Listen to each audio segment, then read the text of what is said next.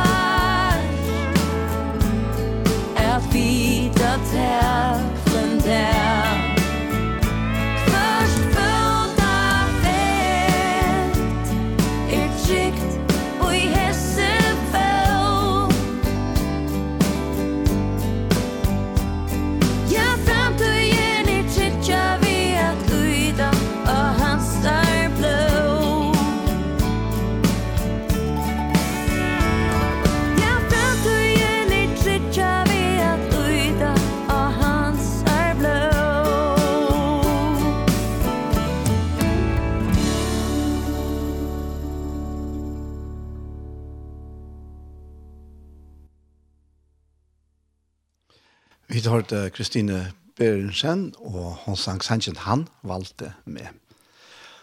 Og uh, jeg skal få lese noe men har løtt her.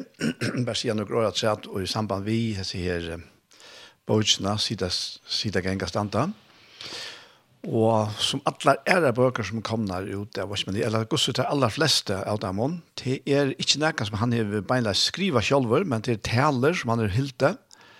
Og her var så en kvinne som... Uh, som uh, fyllte at han nå, som hørte til samkomna tjonen og, og som stenograferer i talene. Det var tatt høyere når hotter at tagge opp på at man ikke annet heie.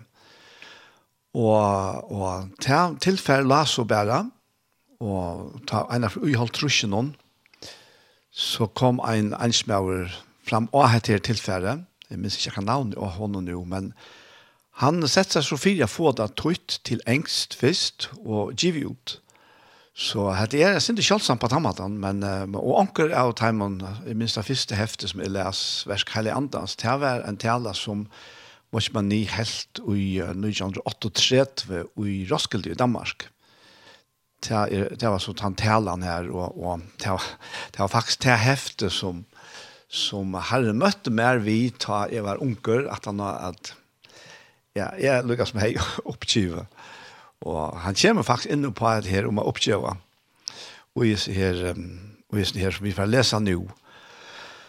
Til det, jeg skal bare lese her innledningen her, noen få år om Vashmani. Vashmani var kinesere og kom som 16 år gammel og i 1920 til trygg av Jesus Kristus og begynte langt samme året å skrive. Tjøkken til fylgjende nær om 30 årene i tjeneste og var han stedfester som en gava fra herren til likam hansere. Og i 1922 var han fangslav for trikksynna og satt i fangslet til han andeist i 1922. Det var sånn noen få viker at han skulle være leislaten. Det som er skrivelig noen tilfell ligger etter han er enn en kjelda til åpenbering og stål for trikkvande om atlan heim så stender vi mersing her, at her ikke annet er vi merst, vi så avvisningene til Efesos brev. Og faktisk er det her, en av bøtjen er en jøgnegang av Efesos brev. Og første kapittel til er Sita. Og i Efesos brev kapittel 1, og fra vers 16 til 21, finner vi hese i årene. God Herre okkara Jesu Krist, reiste han opp fra hinon deg, og sette han vi høyre håndsynet og i himmelen, høgt iver alla tign, alla myndelega, alt vald og herradømme, og hvers navn og i nevnt verur, ikkje best i hese veröld, men eisene og i hine kommande. At det var første kapittel, vers 16-21, og er så tidsen brådbors urtui. Og, og i kapittel 2, fra vers 16-19 stender, God hever reist okkon opp vi hånden og sett okkon vi honom og i hin himmelska heimen og i Kristi Jesus. Tøy av nøye er det frelst vi trygg, og ta ikkje av tikkun sjolvo. Ta er gava gods, ikkje av verskon, fyrir at ønsken skal rosa seg. Og i den første versen låser vi at God reiste Jesus opp fra Taimon Deia, og sette han ved syne høyre hånd og i til himmelska. Og i de settende versene så vi at han eisne sette okkon vi hånden og i det himmelska. Hetta lærer okkon ein djupan sannleika, til at kristna løyve ikkje byrjar vi at genka, til byrjar vi at sita. Tan kristna ölden byrjar vi Kristus. Og at her vi at genka til, altså vi at virka, God sette han, og sette okkon, vi honom. Lat okkon fyrst hitje etter truttningen av årenon sita. Som vi har sagt, så åpenbærer hetta løndamalet til eit himmelsliv. Og det stender om Jesus at etter at han hei gjørst rensan fire sinter, settest han vid høyre hånd hattiknarinnar og hattene. Hebrea brev 1, vers 3. Vi samme sannleika stige kunne vi sia at løyve tjekk for en einasta kristnon byrjar vi einon menneska, ui Kristus. Det vi sia, ta vi ut trygg, suttje okkon sett i himmelen saman vi hon. De fleste kristne gjør at han feil, at de røyna at genka, fyra kunna sita. Men ta vi er bibelska ræfylgjan vend vi. Hetta utne kjemst av at okra naturliga vid og skil sier okkon, at vi ångan til noa male om vi ikkje genka. Vi sier til dømes, hva vinna vi om vi ikkje strevast? Hvordan kunne vi nærkant til koma nærkastene om vi ikkje flyt okkon? Men gledebåskapen er fullkomlige øvotter. Om vi byrja vi at røyna at gjerra næka, får vi et. Så om vi drøyna a noa opp til nega, missa vi alt. Kristna løyve byrjar ikkje vi at gjerra, men vi er noen stauron gjørst. Og tøy byrjar Efsos brevet vi a sia at lova å være god og feir Herre okkara Jesu Krist, han som hever sikna okkon vi atlare andaligare sikning ui hinon himmelska i Kristus. Og helt fra byrjan verer okken bjóa at set okken nyer og njóta til. Og njóta til og i god hever gjørst fyri okken. Vi verer ikkje byen om at færa undernæka og røyna at nåa til vi egnar styrkje. At genka krever avrik. Men god sier at vi ikkje er frelst av verskon, men av nøye, vi trygg det er Efesos brev 2,8. Flest i okkara kjenna åringene frelst vi trygg. Men hva mener vi vi hesson? Vi mener helt einfalt vi, at vi er frelst, vi er kvila og Jesus i Kristus. Vi gjør det alls ikke for at frelse okken sjølve. Vi løtte bare byrene av okkara syndige sval i fra han. Vi byrjar okra kristna liv vi er løyta at det han hei gjørst, og ikkje at det vi sjølve megna av. Åren hette henter, og vera verileitje, kan eit menneske ikkje kalla seg frelst. Tog til onker sier, jeg kan ikkje gjera neka fyra frelsa med sjølvan, men Guds nøy hever gjørst alt fyra med og i Kristus. Ta er til fyrsta stige og i troarløven om tidsje.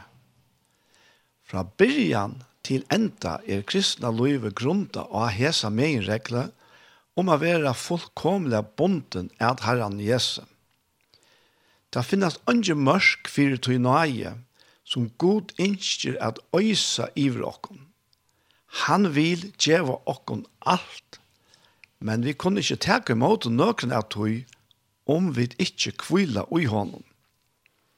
At sitta er en hukkbor av kvila. Akkurat er fullførst. Arbeid heldur opp hæt. Og vi sitta til en motsagn, men til korsne satt at vi kommer bare vujare og kristna løvnån tar vi fyrst hava lært a seta okko nyer. Kvært mestir hodtætje at sita og i verlegan. Ta i vid genka etla standa bæra beinene tja okkon, alla tingdina av okkara egna kroppa. Men ta vid set okkon nyer, er ta ståleren etla sofan vi set okkon oa, som ber alla tingdina. Vi giras trøyt, ta vi genka etla standa, men ta vi ta sit enna luttla løte, kvila vid. Ta vi genka etla standa, brukar vi orsko, men ta vi sita, teka vi okkon av løtton. Tu ta fettler struje ikkje av okkara egnu vøttar, men av neka utanfyr okkon sjolva. Somleis er ta ut i andal i heimnum. At sida merker heilt einfalt at vi leta alla okkara tingt, okkara byre, okkon sjolva, okkara framtøy, ja alt kvila og herran. Vi leta han bæra avbyrdna og djeva sjolve av berana. Hetta var Guds megin regla fra byrjanene. Medan uh, var framt, arbeidde Gud fra fyrsta til satta det, og så kvilti han kjenda det. Vi kunne sija at av sånnen hei god nekv om at vera tar fyrst og seks denar. Men så var oppgaven fullført, og han gavst at arbeida. Kjente dæver gjørtes sabbater gods. Hetta var gods kviledæver. Men hva så vi Adam med? Hva var han og imon til gods kviledæver? Vi leser at Adam var skapter av satta denon, og så statt er det greit at han ångan lot hei ut ham fyrre arbeidsdøen. Så han var ikke skapter for en endan av dem. Guds kjente dæver vær og rønt og være første dæver til Adam. Med en god arbeid i seks dager, og så gjerne kunne njøte sine sabbatskvile, byrja i Adams sitt liv vi sabbat, altså vi kvile. Med en god arbeider og er han kviler, må menneska først komme inn i Guds kvile og er han til han kan arbeide. Heratræt kunne Adam byrja løvsutt vi kvile tog Guds skaparverk var fullkjørst, eller fullførst. Og hetta er tjattnan ui evangelien, at Gud hever fullførst sottargjerna, og okkon tørvar ikkje a røyna at gjer okkon verdi til henne. Og i stegjen kunne vi færa beint inn og i alt det gåa som Jesus er fullgjørda versk ber vissar. Vi vet det sjølvande, at mittlen hesa boa sjøvelige verleikar, mittlen Guds kvile ui skapanene, og Guds kvile ui sottargjerne, ligger ødelt hans sinderlige søvan om synd og dom Adams, om menneskjans endaleisa og nytteleisa strøy og strev, og om kom og gods sånner for å djeva seg sjálvan så at han mista støvan kunne endrevinnast. Fægir min arbeid lukka til nu. Jeg arbeid vi, sier Jesus i samband vi verksut. Ikke fyrr enn prøyseren fyrir sottar gjerna var golden, kunne han råpa, til er fullgjørst. Men vegna hetta sier råpa, er henta samanbæringen vi tar var gjørst, sannleidje, at Av samme hatt som god fullførte skapanene, så hever god verilig gjørst alt ui Kristus. Og tog kunne vi helt einfalt njóta henta verileika utrygg. Og så må jeg lykke skøyde på i mine tankar som kom til meg til jeg leser et atre en, en annen fyr. Det er at vi er her i heimen, og vi har akkurat ikke gjørst. Vi har skapt det allt fungerar lengt, lengt åren vi kom, lengt åren okra foreldre og forfedre kom til, tog god tid gjort alt fullkomna i skapandene. Og så er viser han så her eisen i at så las hever eisen god gjort alt fullkomna i frelseversjonen. Så vi får heller ikke gjort her, utan bare at liv og uttøys, men han har gjort for oss. Og han sier her, ja, la meg bare lese til her om at det, Men vekkene hetta sier råpe er henta samanberingen, vi tar var gjørst sannleidje at av samme hatt som god fullførte skapandena, så hev god verilig gjørst alt og i Kristus, og tog kunne vi helt einfall njóta henta verilig og uttrykk. Likla år okkar her er jo sjálvande ikkje en krav på sette, men er vi kunne suttje okkar sjálva som sett og i Kristus. Kristus Paulus byr om at Gud må opplysa hjertans eie okkara. Det er kapittel 1 i Jesus brev, vers 8. Så vi kunne skilja til som ligger ui her som dobbelta sannleika, at Gud fyrst, vi sunne veldig kraft, sett i han, Jesus, og hernast i nøye sunne sett i okkon, vi Jesus, ui til himmelska. Og det første vi må lære er at verset er først og fremst hansara, og ikkje okkara. Det er ikkje sålas at vi arbeider for god, men at han arbeider for okkon. God djever okkon okkara støv og i kvilene. Han kjemur vi fullgjørda verste sånnarsøyns og djever okkon til ham. Og så sier han vi okkon, gjør så vel og setet ikkon. Jeg halte ikkje at hans har tilbå til okken kan sies bedre enn i innbjørnsene til den store nåttran. Komme, tog nu er alt til reier. Lukas kapitel 14, vers 16. Okkara kristna loiv byrjar vi at vi oppdea til som god hever utvia okken. Og halti, vi færa at halta fram, så færa vi at uh, høyra en sangatræt, Og jeg har alltid, det passer nok så godt her til uh, han til sannsjen her tja, tja Lise Fredriksberg til er uh, Marsta, Marsta om at her vidar hoa strujast da. Lisa Fredriksberg, Marsta, Marsta. Musik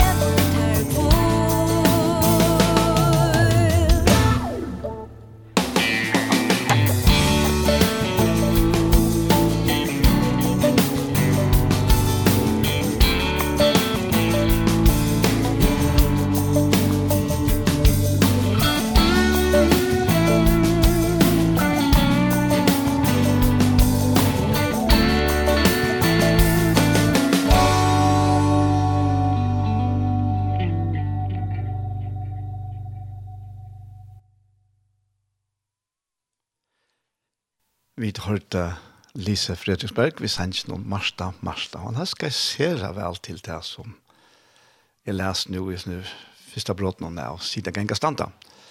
Hette er, er sendingen Vi Veien, og verster er Daniel Dole Jakobsen. Og jeg har sett meg fire for å lese alt for jeg gjør det til min personen, den første personen er, er ikke så øyla lenger, eller han er sin stitje enn inne på i personen som kom 18 år, Och för det är omfør, men det er kanskje ikke fyllande frugja det er som som det er Lisa men men ta ui, ta det passer inn i programmet annars kan man säga. Og jeg får halte av frem her, Vi tror som Watchman i skriver. Det som hansara fullgjörda versk omfattar i skriften til det här för att läsa vidare. Fra Heson byrjana stige og allan vegin fram etter fer den kristna sannrøynden at menna seg just av samme hatt som hon byrja i. Ikkje grunda okkar egnu versk, men grunda av at det fullgjørda verskje tja einan øron. Hvor einasta nudj andalig oppliving byrjar vi at vi i trygg teka i måte tøy som god hever gjørst. Vi Vi tar at vi uttrykk av nudjon set dere. Hetta er ein løvs meginregla. Og hetta kjemur fra god til sjálvon. Og fra byrjan til enda, for hvert einasta nødt sti og kristna løvnun av fylgja hese som og goddomlige meginregla. Hvordan kan jeg takke imot i andans kraft til tjeneste? Må jeg arbeide for henne? Må jeg juga god om at djeva med henne? må jeg plava salmene ved første og sjålnokta for jeg få henne. Aldri. Det er ikke så les Bibelen lærer dere. Hok som hetta. Hvordan tok vi til måte fyrirgjøving for dere sinter? Måtte jeg arbeide for henne? Måtte jeg juga god om at djeva med henne? Måtte jeg plava salmina ved første og sjålnoktan for jeg få henne? Nei. Vi gjør det ikke for jeg få hana. Vi tok imot fyrtjøng syndene, ta vi sove hva han heie gjørst for okken og troetøy. Hva er ta gods grunderlige for at uthetle andan? Det er opphevjanen av Herren og Jesus. Apostelsøvann 2, vers 33. Av tog at Jesus døye av krossen hon, er synder mine fyrtjøvner. Av tog at han er opphevjaver til trådene, veri er klatter og i kraft av hattene. Kvargen av hesson gavun er knytt av tog som er gjere eller ikke gjere. Jeg gjør det meg ikke oppebornan til fyrirgjøvingsna, og jeg gjør meg heller ikke forkjentan til andans gav. Jeg tar ikke mot noen via genka, men via seta meg. Ikke via gjøre noe, men via kvila og i herran.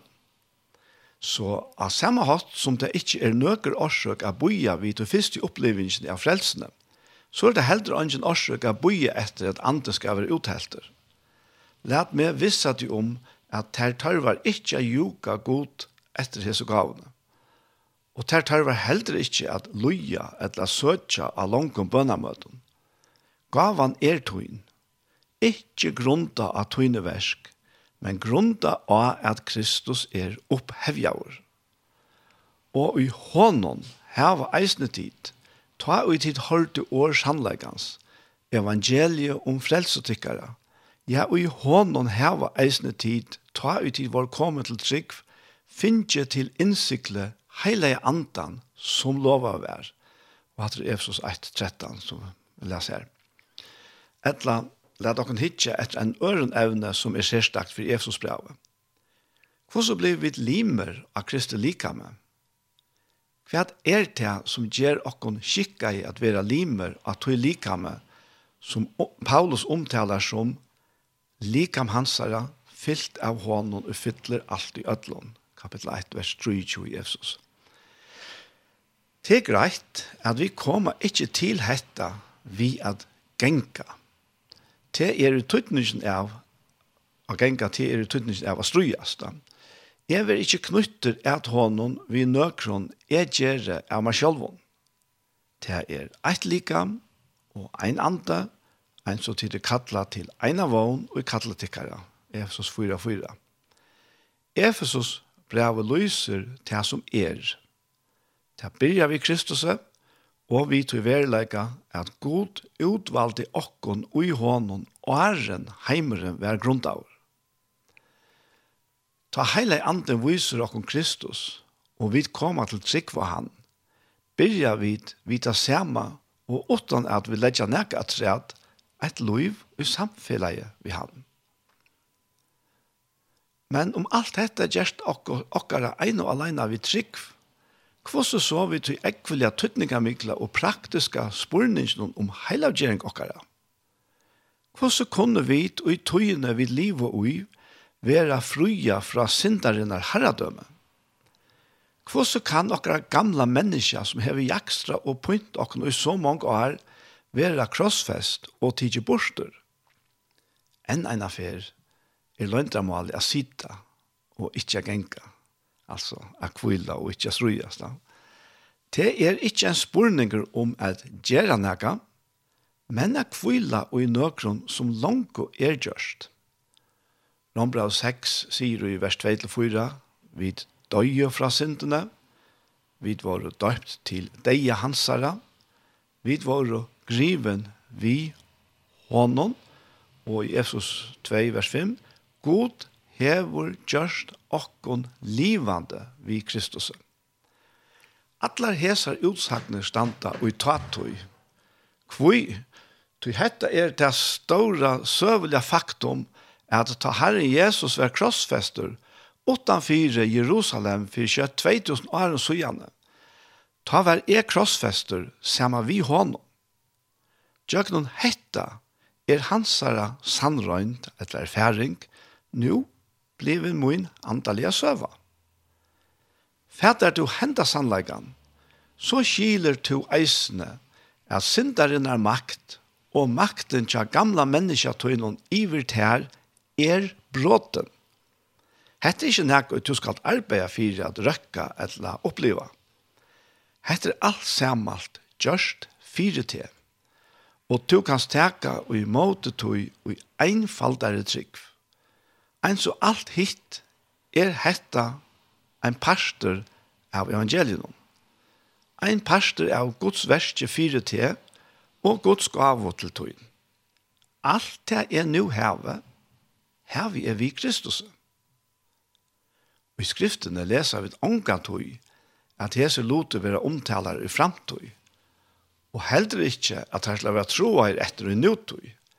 Hetta er jo søvelig fakta som öll vi tryggvandi er kommet inn i. Vi, Krist, vi Kristus er krossfest, gjørt livande, oppreist og sett i himmelen. Fyrir til menneskelige sinne er og hese malberingar ikkje minne løgnar enn årene Jesus sier vid Nikodemus og Johannes evangeliet troi, troi. Her var det en spørning om hvordan jeg vil fødre nødgjøn. Her er nekka som er enn mer utrolig. Nekka som ikke bare skal hente ui okkon, ein så ta nødgjøn føringen, men nekka som skal være se og gå tidje som okkara, tog ein annar langt hever sett til i versk for lengare tøysøya. Til spørs kanska, hvordan kan nekka slukt henta? Hvordan kunne jeg være i Kristus da han var krossfester? Vi kunne best greia fra tøy vi å si at eisen hetta vær og er eit faktum. Tøy god hever gjørsta. For god er ikke omøvelet, og han sier til fire at to varst ui Kristus og døye vi hånden. Hetta er eit goddomlet versk og ein goddomlig sannleidje. Vi var ikkje født vi Kristus, men vi var krossfest vi hånden. Galaterbrev 2.20. Okkar er samfella vi han byrja i tog vi deia hansara. God rokna i okkon inn i hansara deia. Vid våre vi honom, tog vid våre ui honom. Men hvordan kan jeg være visser ui at jeg er ui Kristus? Jeg kan være visser, tog Bibelen slår fast at så er og tøy, det var god som sette meg her. Men hånden, gode, er til å takke at tid er ui Kristi Jesus. 4 Korint 1, 3, at det var dals tøying. Men han som binder beg okkon og tikkum fast til Kristus er god. 2 Korint 1, 21. Hette er nekka som er utint av hånden og i hansare allmåtto av visdomme, fire at det skal være seg, tro, godtidje og hamet av okkon. Om jeg leie en pengasegel mittel søgner av en avvis, og søgjene brente avvisene, hver hei så pengasegelen være? Han er enda samme sted som avvisen, og i øskene. Her det ene endar, endar eisen i hit. Tarra søva er våren ein. A samme effektive hatt hever god sett okkon og i Kristus. Det som hender vi honom, hender vi okkon ötlom. Atler ter sannrønder, atler færingar, han heie, høttu vit eisene ui honom. Og så sitter vi Rom 6, Vi vita jo hetta at gamla menneske okkara vær krossfest vi honom, fyrir a sinta lika med vera til ønskjøs så vi skulle ikke langer trela under syndene. Hette er ikke en tilstolan til strøy. Hette er søva. Akkara søva. Skriva ui Kristus og æren vid vår født. Trørs du hesson? Hette er sannleikje. Akkara krossfesting vid Kristus er et underfullt søveligt faktum. Akkara utfrian fra syndene bygger ikke at det vi kunne gjøre, eller at det er så god fer at gjøre for dere, men at det han langt og hever gjørst for dere og i Kristus. Ta hesen verilegjen vil lete opp for dere, og vi kvila og i tøy, ta her vi funnet løndamalet til et heilat liv. Men det er satt, at vi vita alt og lytte om hese opp opplevelsene. Det er dere hittet en døme. Om onker kommer vi en ekvile negativa vimerskning om til og to er til stier, hvordan takler du til støvna? Kanskje du bryter tenner skjermen, svølger og teker ut i kjølven, og om to vi en øtner tætje mekner er halte en og kvarjon tekni om vognbråten nirre, og en ta er falkalir i stegen, kjenner du til å ha vunnet en stor han sier. Men vognbråten er her framveis. Te er bare kave ut i det, og til tøyer etnast her alls ikkje at kava ut iver vannbrådet. Hvor er trobleidjen? Trobleidjen er at du regner at genka åren du er sette nyer, og ta hever du helt vust tap i vant. Lat meg endertaka. Ongen kristen oppleving byrjar vi at genka, men alt tog vi at seta seg nyer. Løndarmalet til utfrujan fra syndene er er ikkje gjerra nega, men at kvila og i tøy som god hever gjørst. La meg si at herfra en og manne. Ein versfrøyngur som bo i en og i Vesterheimnon får av fer til fjærester. Han var borster i enn tvei, tru år, og men han var borster, Per kona hansar honom åtrygg og får vi ein av beste vimmon hansara. Da han kom heim at og rakte han vi, at han har mist kona, bæg bøttene og sin besta vimman. Vi endan av en møte her i Heitala kom med sin sorgting til over og lessa i atla skinnar byrar iver av meg. Det og natt og tvei heil år hever hjertet mot vi fyllt av hetre, sier han. Jeg er en kristen, og jeg vet at jeg åtte av fyrtjiv konemøyne og vinemunne, men hovast er atter og atter røyne av fyrtjøva taimon, så mekne er det ikkje. Kvann det er gjerri av at gledast om deg, og kvann det er miss etna sted. Hva kan jeg gjerra vi etta? Jo, du skal altså ikke gjerra, sverre jeg. Hva mener du vi, spurte han Bilsen. Skal jeg halte av at jeg hatt deg? Ta gav i hånden hesa fragreng. Løsnen av tøyne trobleikon ligger ui hesson, at ta Herren Jesus døye av krossen hon, bær han ikkje bærst sintertunna borster, men han bær eisne te borster. Ta han var krossfester, vær gamla menneska tøyt krossfest saman vi honom. Tøyt og fyrirgjevande er, som heilt einfalt ikkje megnar at elska tei som har gjørst nega skreifte måte til her, vær tidje borster vi deg hansara. God hever av krossen og tidsi seg av allar hesar støvna. Og til ikke etter som du kan gjøre nega vi. Si best vi han, Herre, jeg mekne ikke elska, og jeg djevst av røyna, men jeg rakne vi tøynun fullkomna kærleika. Jeg fei ikkje fyrirgiva, men jeg lydig av at to først av fyrirgiva i stegin fyrir meg, og her vi gjerra til ui mer. Mævren sæt undrande og sier så. Alt dette er så nytt for meg, og jeg kjenner at jeg må gjøre når jeg vet det. Og en av løte sættene leierne sier at, men hva kan jeg gjøre? God bojar vi at elska og fyrirgjeva djøkna til, inntil to gjerst er røyna gjerra nega, sier jeg. Ta to gjerst er gjerra, byrjar god, sier jeg. Stort etter leia til at Het hun nærkant røynt av bjarga enn hun druknande manne. Tropleggen er at øtten tja til druknande forar honom ui at lyda av te. Ta så er, er best eit av tveimen a gjerra. Anten måste slå han i avvid og suja han i land, etla, måste leta han strujast og råpa til han er så veikur at du fast bjerg honom. Om to røyner bjerg honom, mener han enn hever nega styrkje etter, teker han ut til og halar til under, og tar drukna til bøyer. God bøyer etter at tøyn gømsle av styrkje er helt tømt, og så kommer han og bjergar der. Ta to er givna strujast, for han er gjerne alt. God bøyer til tør kommen og i vånløs. Vinen må en verkfrøynger leip opp, blåer, seg han, Jeg har skilt det.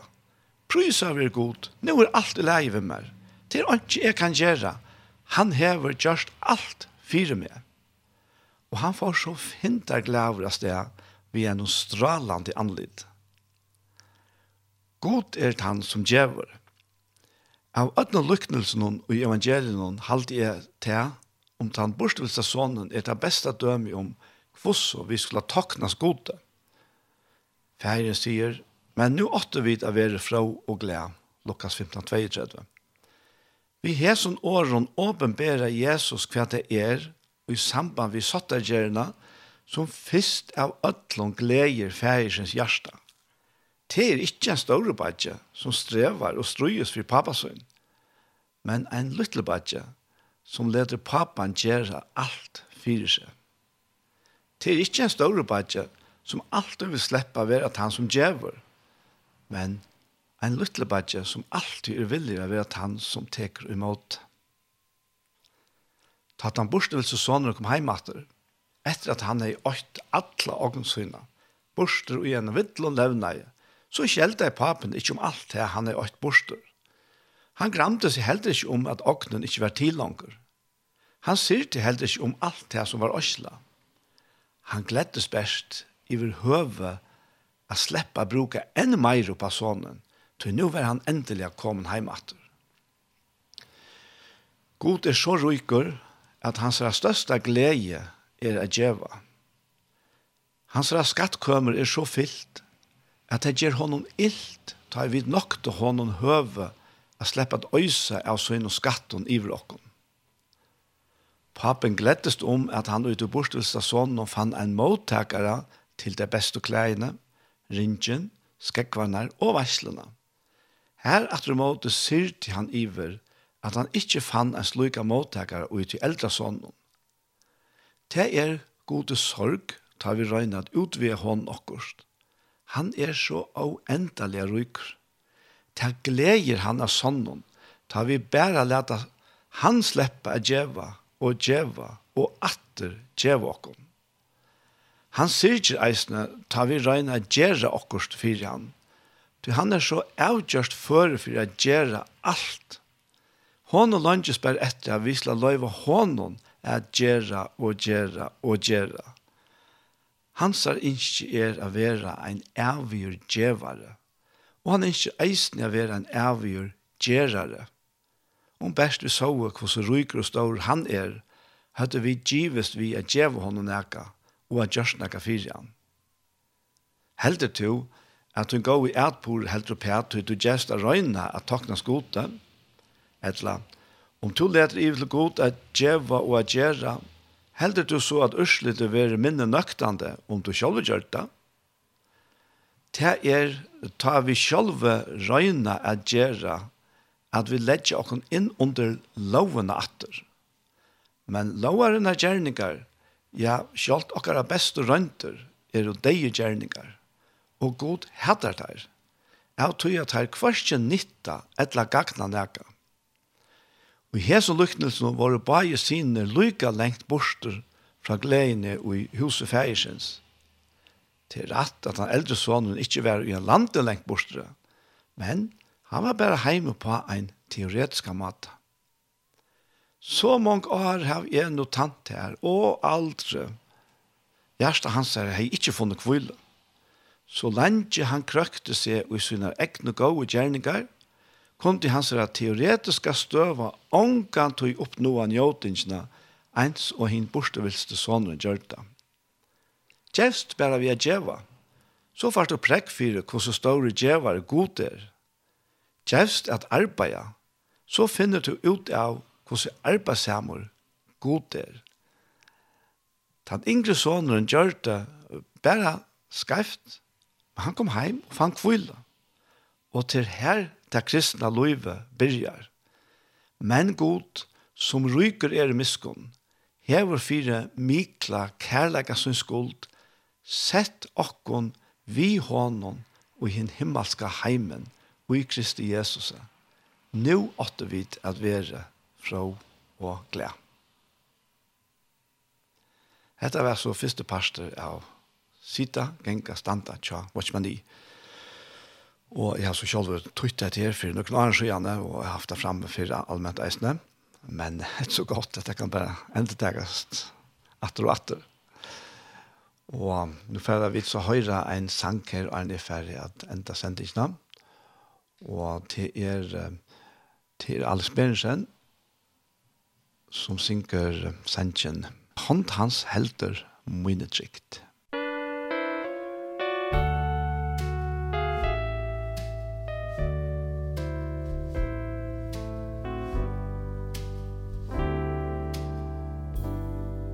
Tu spyrs ganska kvås så er Kan vi ta at Herren ver og liure og iben ut her brus. Sværa kan i edans kraft er åpen ved. Hånd hans heldur mune trygt kamer no mi che Aldru eina ganje. Han heldur mer Stiar meg kvart løse sti Hos navi Så vei han er nær Og han røyna stryk vår skall Og mune fyr Ondans heldur mune trygt Tæmer no mykje her. Aldru eina gangi han heldur mer Stiar me kvart lösen sti Og snavi så vei han er nær.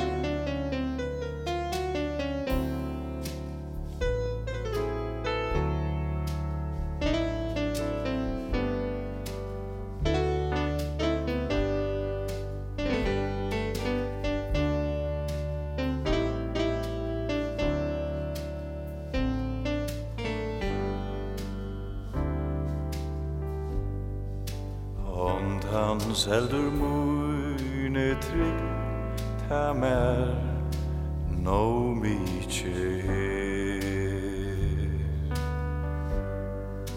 Hond hans heldur mune trygg ta mer no miche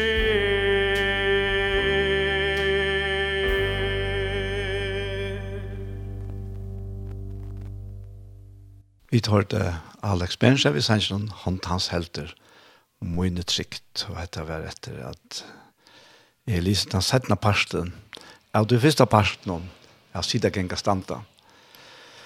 Og ja han til kjendingen er så kom det enda.